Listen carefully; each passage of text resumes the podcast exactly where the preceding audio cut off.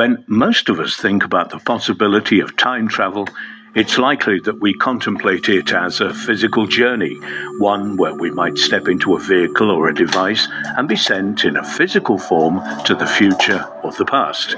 However, there are some trains of thought that suggest time travel, at least how we understand it, may actually be an out of body experience, one where our physical body remains where it is and a person's consciousness travels to another point in time. Without a doubt, one of the most intriguing examples of this astral type time travel are the accounts of Paul Amadeus Dienach, who claimed in 1922, while in a coma, to have left his body and travelled over a thousand years into the future to the year 3096. What's more, his consciousness, perhaps better described as his spirit, was able to see this future era through the eyes and body of a resident of that time a man Dienach claimed was named Andreas Northam. In his own era, Dienach suffered from the neurological disease encephalitis lethargica, sometimes called sleeping sickness, in which a person would essentially enter a catatonic like unresponsive state, with some falling into comas, like Dienach, and many even passing away from affliction. There were multiple cases of this disease reported around the world between 1915 and 1926 before it suddenly slowed dramatically to isolated cases, and no explanation for this has ever been found. Dienach had suffered a previous attack before he went into his year long coma, falling into the unresponsive state for around 15 minutes his second attack, though, would see him in hospital for over a year, during which time he claimed he left his body and found himself in the future and in Northam's body. Di-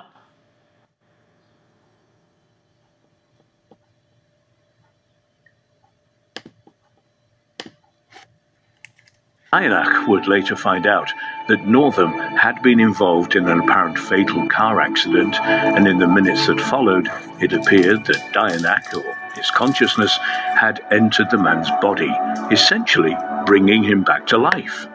What is perhaps interesting here is that what Dienach is suggesting is what we would largely understand as possession that's taking over another person's body and using it as a vessel to see and experience the environment around them. In this instance, though, the soul, or spirit, or manifestations of energy that was Dienach, had seemingly unintentionally entered Northam's body when his consciousness travelled into the future. In another perplexing twist to the events, as well as being able to see this futuristic environment through the eyes of his host, the people of the future could also communicate with him, and of more importance, after realizing that the person in front of them was not the Andreas Northam they knew, accepted his account as genuine.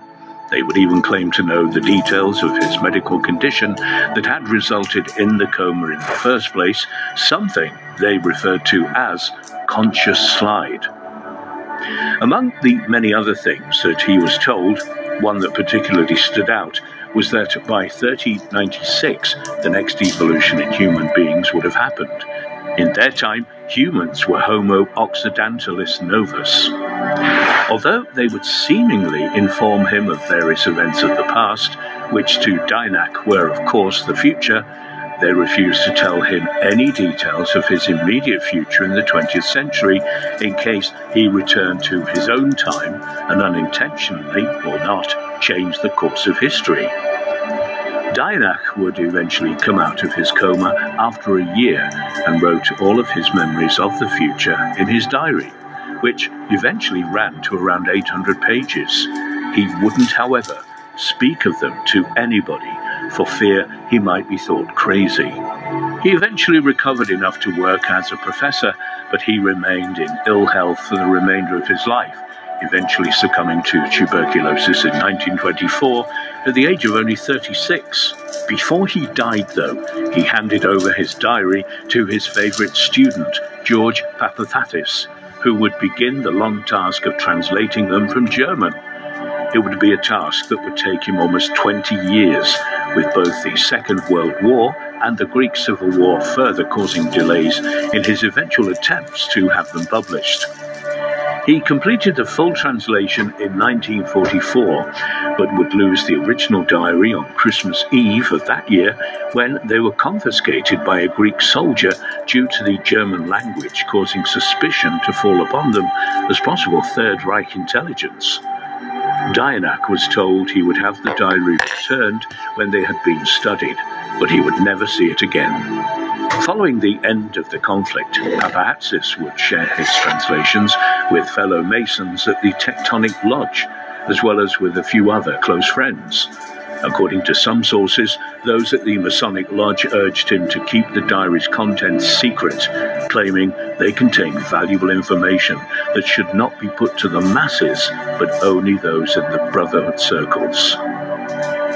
The contents of the diary would remain within this closed group until the 1970s, when he finally made several attempts to have them published. While there were several editions printed, all of them ultimately failed and were quickly withdrawn. In the early 2000s, however, a high ranking Mason from Greece discovered the diaries and immediately had them published again.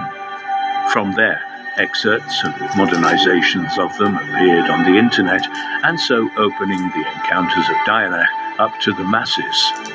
And in a world much more open to such ideas, they were perhaps far better received in the contemporary era than in the immediate decades after they were experienced.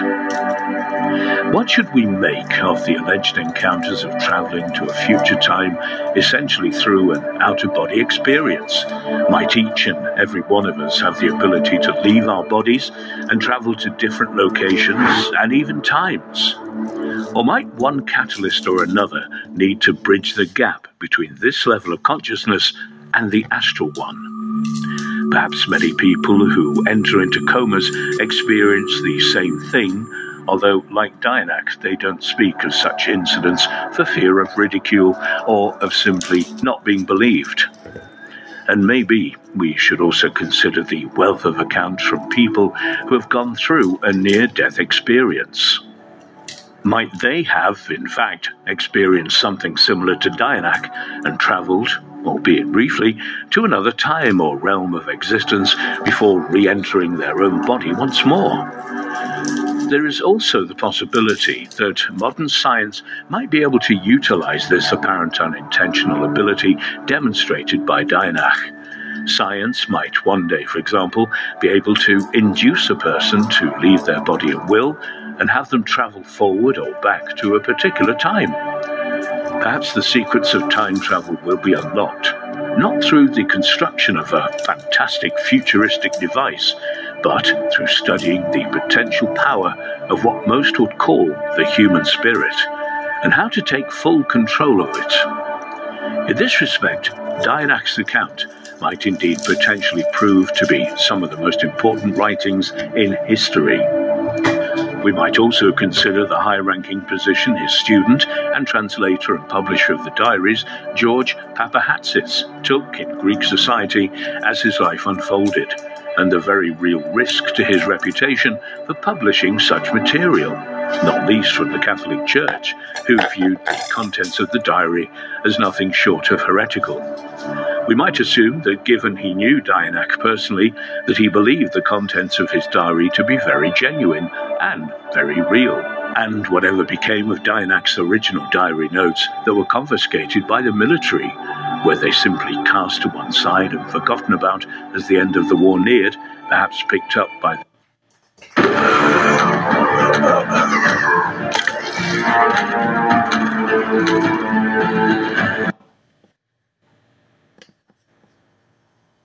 by the various intelligence agencies that operated in Europe, particularly at the war's end? Or were they discreetly retained and studied behind closed doors, perhaps unaware of Papahatz's translated copies?